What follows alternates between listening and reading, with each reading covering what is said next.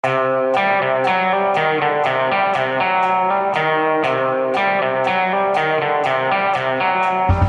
internasjonale håndballforbundet truer med bøter hvis ikke det norske kvinnelandslaget stiller i bikini under eh, sandhåndball-EM. Er det forbundet som nå framstår avkledd? Angela Merkel eh, forlater også snart banen, men eh, hun har vært europamester i politikk og økonomi.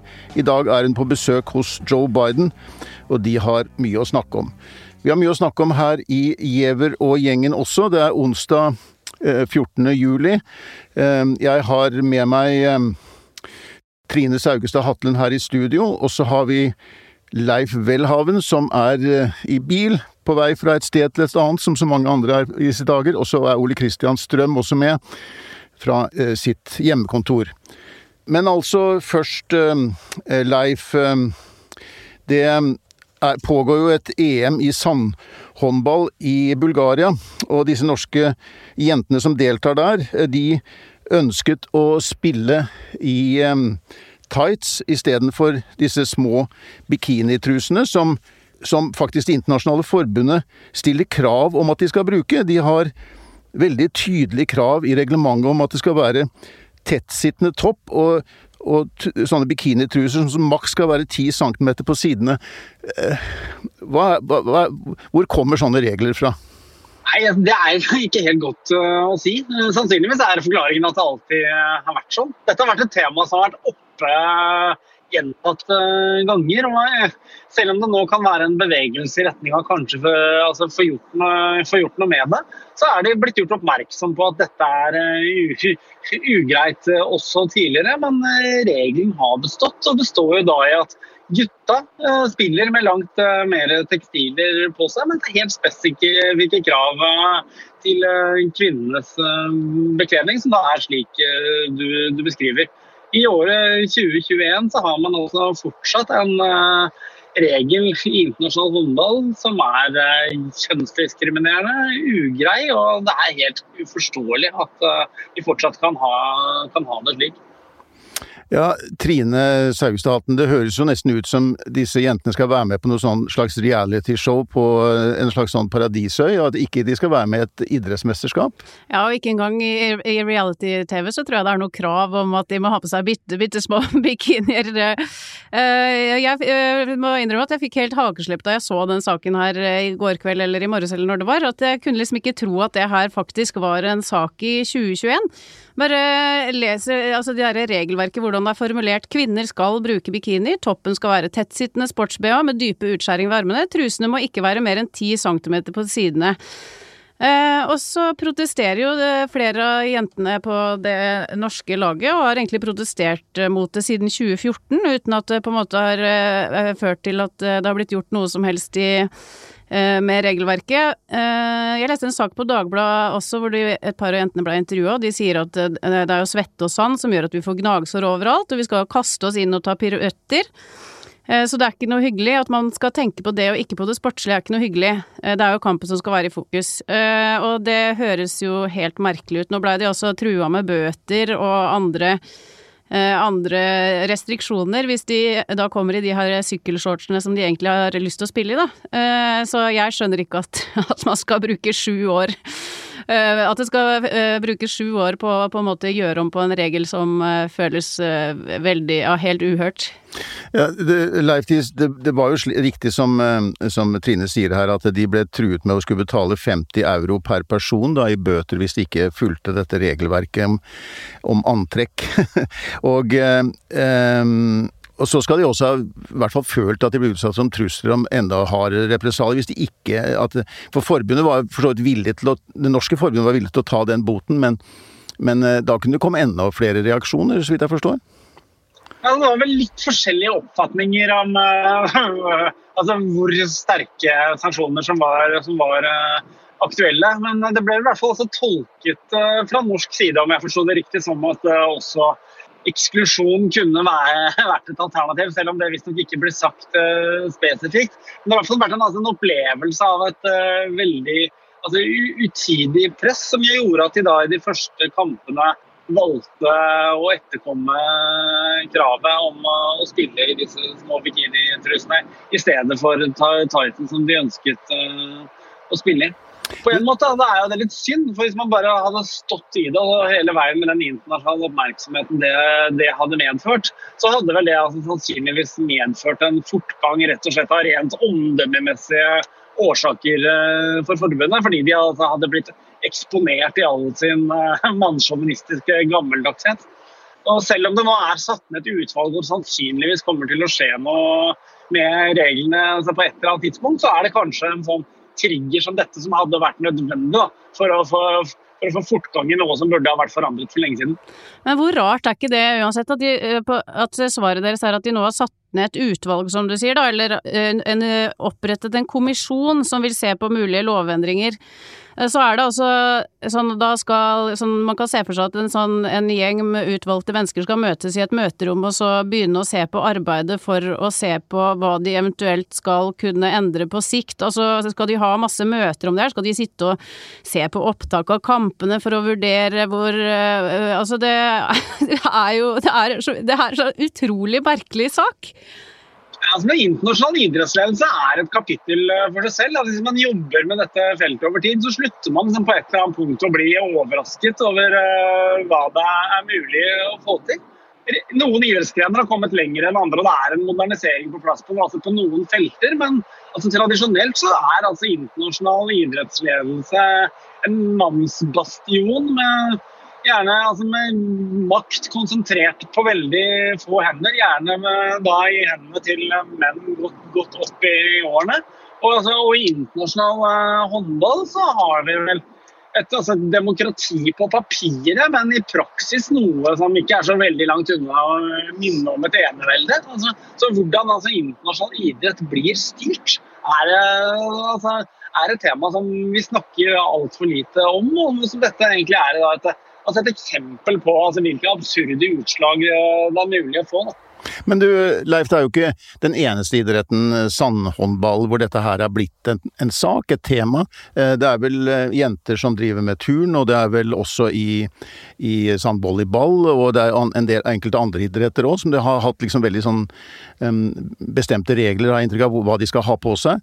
Um, uh, det, så det er ikke kun i denne idretten? Nei, det er det ikke. Det er blitt satt på, altså på spissen uh, akkurat nå. Men uh, altså, problemstillingen er nok ganske sammenlignbar uh, i ulike idretter. og Noen vil sikkert mene at hvis du skal holde på med dette og hint, så kan altså, den og den type antrekk være naturlig. F.eks. du skal spille i sanden, men så er du på stranden, så har du ikke på deg all verdens med klær. Men poenget er at uansett så må jo sånn definisjonsmakten ligge hos dem som utøver idretten. Uansett, uansett, om det er den eller den grenen. Og det er selvfølgelig at du driver en idrett hvor du, altså, du blir filmet av TV-kameraer. Du, altså, du, holder på altså, foran et publikum. Og da må det jo være hva idrettsutøverne er komfortable med, som er det avgjørende hva gjelder hva de skal få ta på. Det kan ikke være sånn at det sitter en gjeng med ledere som kan innføre noe så absurd som bikinitvang. Da. Bare hør på det ordet i seg selv som vi snakker om i, altså, i, i denne konteksten her. Det, det hører jo ingen steds hjemme i et moderne samfunn. Er, Norge, er de norske jentene alene i denne kampen her, eller de noen, er det noen andre land som også har um, protestert på samme måten?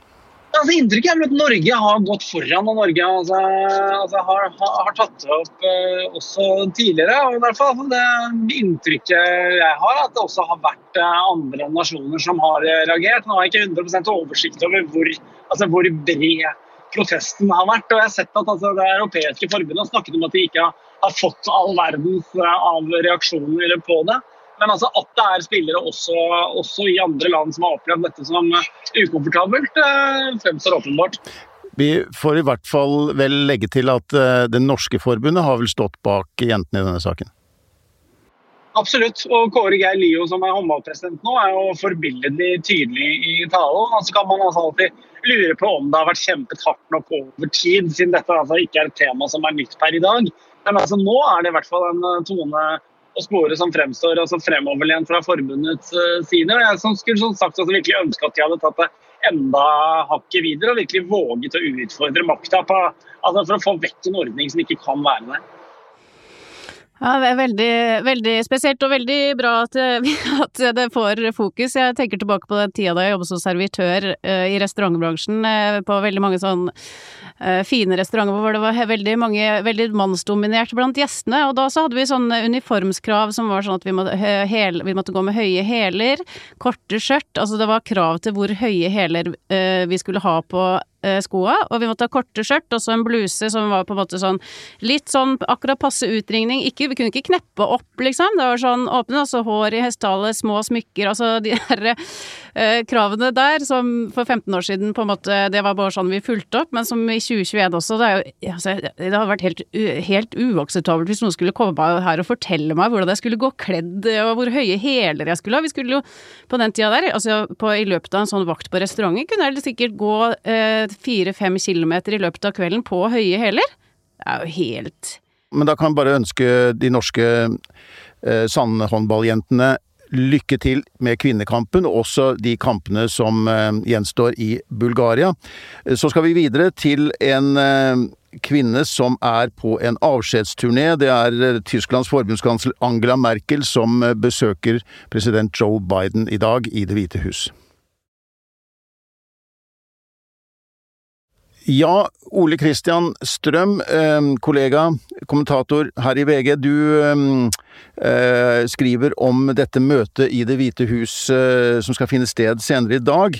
Eh, og eh, Angela Merkel er jo en veteran i internasjonal politikk. Hun eh, har jo møtt fire amerikanske presidenter i sin tid som forbundskansler. både George W. Bush og Barack Obama og Donald Trump og nå Joe Biden. Eh, og eh, dette er jo på en måte en slags eh, avskjedsturné for henne på den internasjonale arena, og det finner jo da sted hos det som, er, som jo er en veldig viktig alliert for Tyskland, nemlig USA.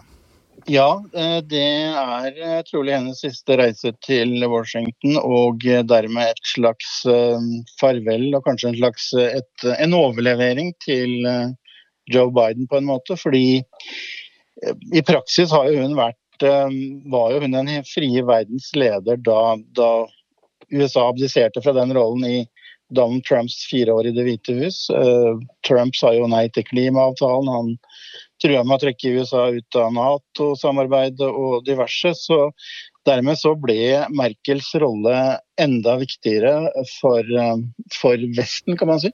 Ja, og det var jo ikke bare det, men, men, Trump var jo Var det noen han likte å kritisere på den internasjonale arena, så var det jo Merkel. Han øh, kritiserte henne for alt, Øh, for, øh, for å bruke lite penger på Forsvaret selvfølgelig, det var en gjenganger, men også for handel, at de utnyttet USA når det gjaldt handel, eh, og han truet jo med tiltak mot eh, Og gjennomførte også en del sanksjoner mot også tyske produkter, da.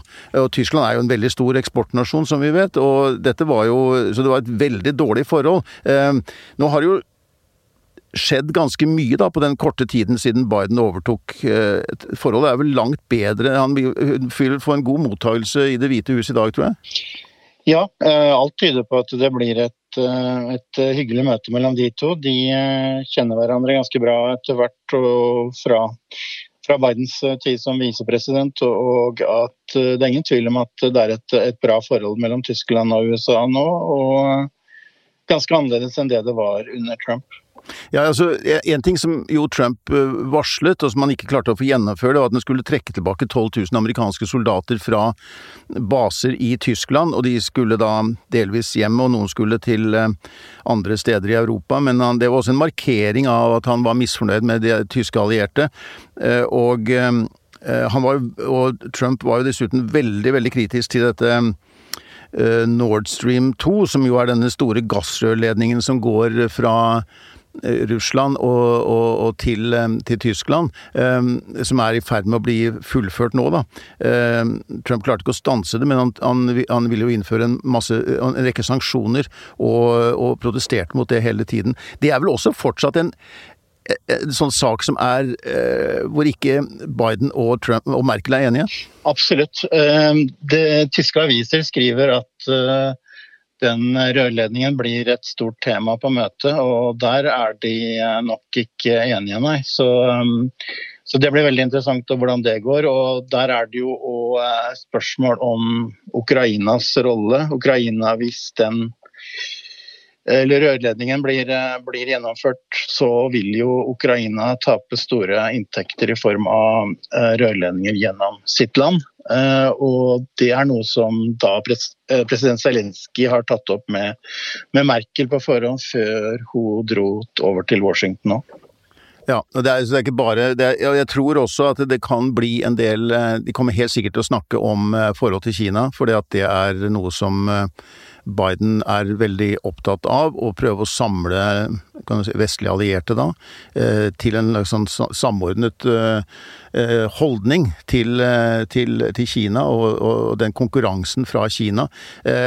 Men, men, der tror jeg også det er litt avstand mellom partene, fordi Merkel har jo og Tyskland er jo veldig opptatt av å opprettholde den, den handelen de har med Kina. Og, har liksom, og hun har jo omtalt mer at eh, et slags partnerskap med Kina, ikke den eh, ikke den rivaliseringen som Biden og forgjengeren var tydelig på.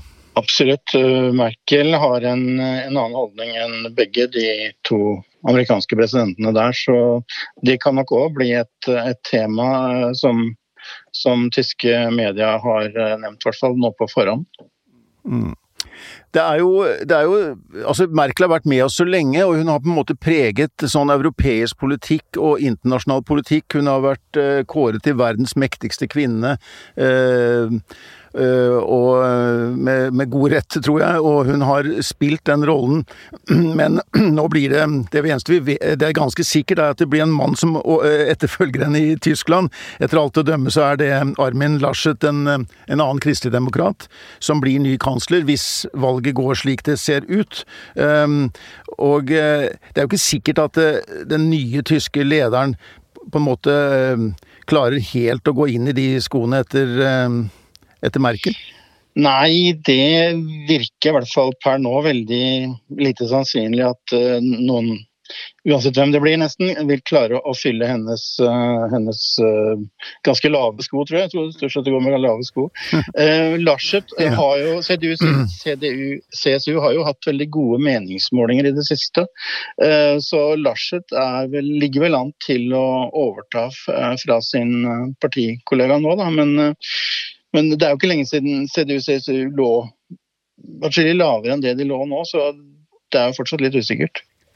Det blir et, uh, utvilsomt et veldig spennende valg i Tyskland i september. Uh, der uh, kan det også bli et gjennombrudd for Det grønne partiet i Tyskland, som kan komme inn i regjering, kanskje. Og mye tyder på at det blir en kristeligdemokrat som fortsetter, men det blir liksom ikke helt det samme uten Merkel. Men vi avslutter dagens uh, Giæver og gjengen. Og vi kan høres igjen i morgen. Jeg skal bare takke de som har vært med her i dag. Det har vært Leif Welhaven. På um, telefon fra bil. Det var Trine Saugestad Hatlen som har holdt meg med selskap her i studio, og Ole Kristian Strøm som også har kommet inn på telefon. Og her og for å holde orden på all denne teknikken og alt dette, um, gjestene fra både i og utenfor huset, så er Christian Konglund vår vaktsjef og produsent. Takk for i dag, og vi høres i morgen.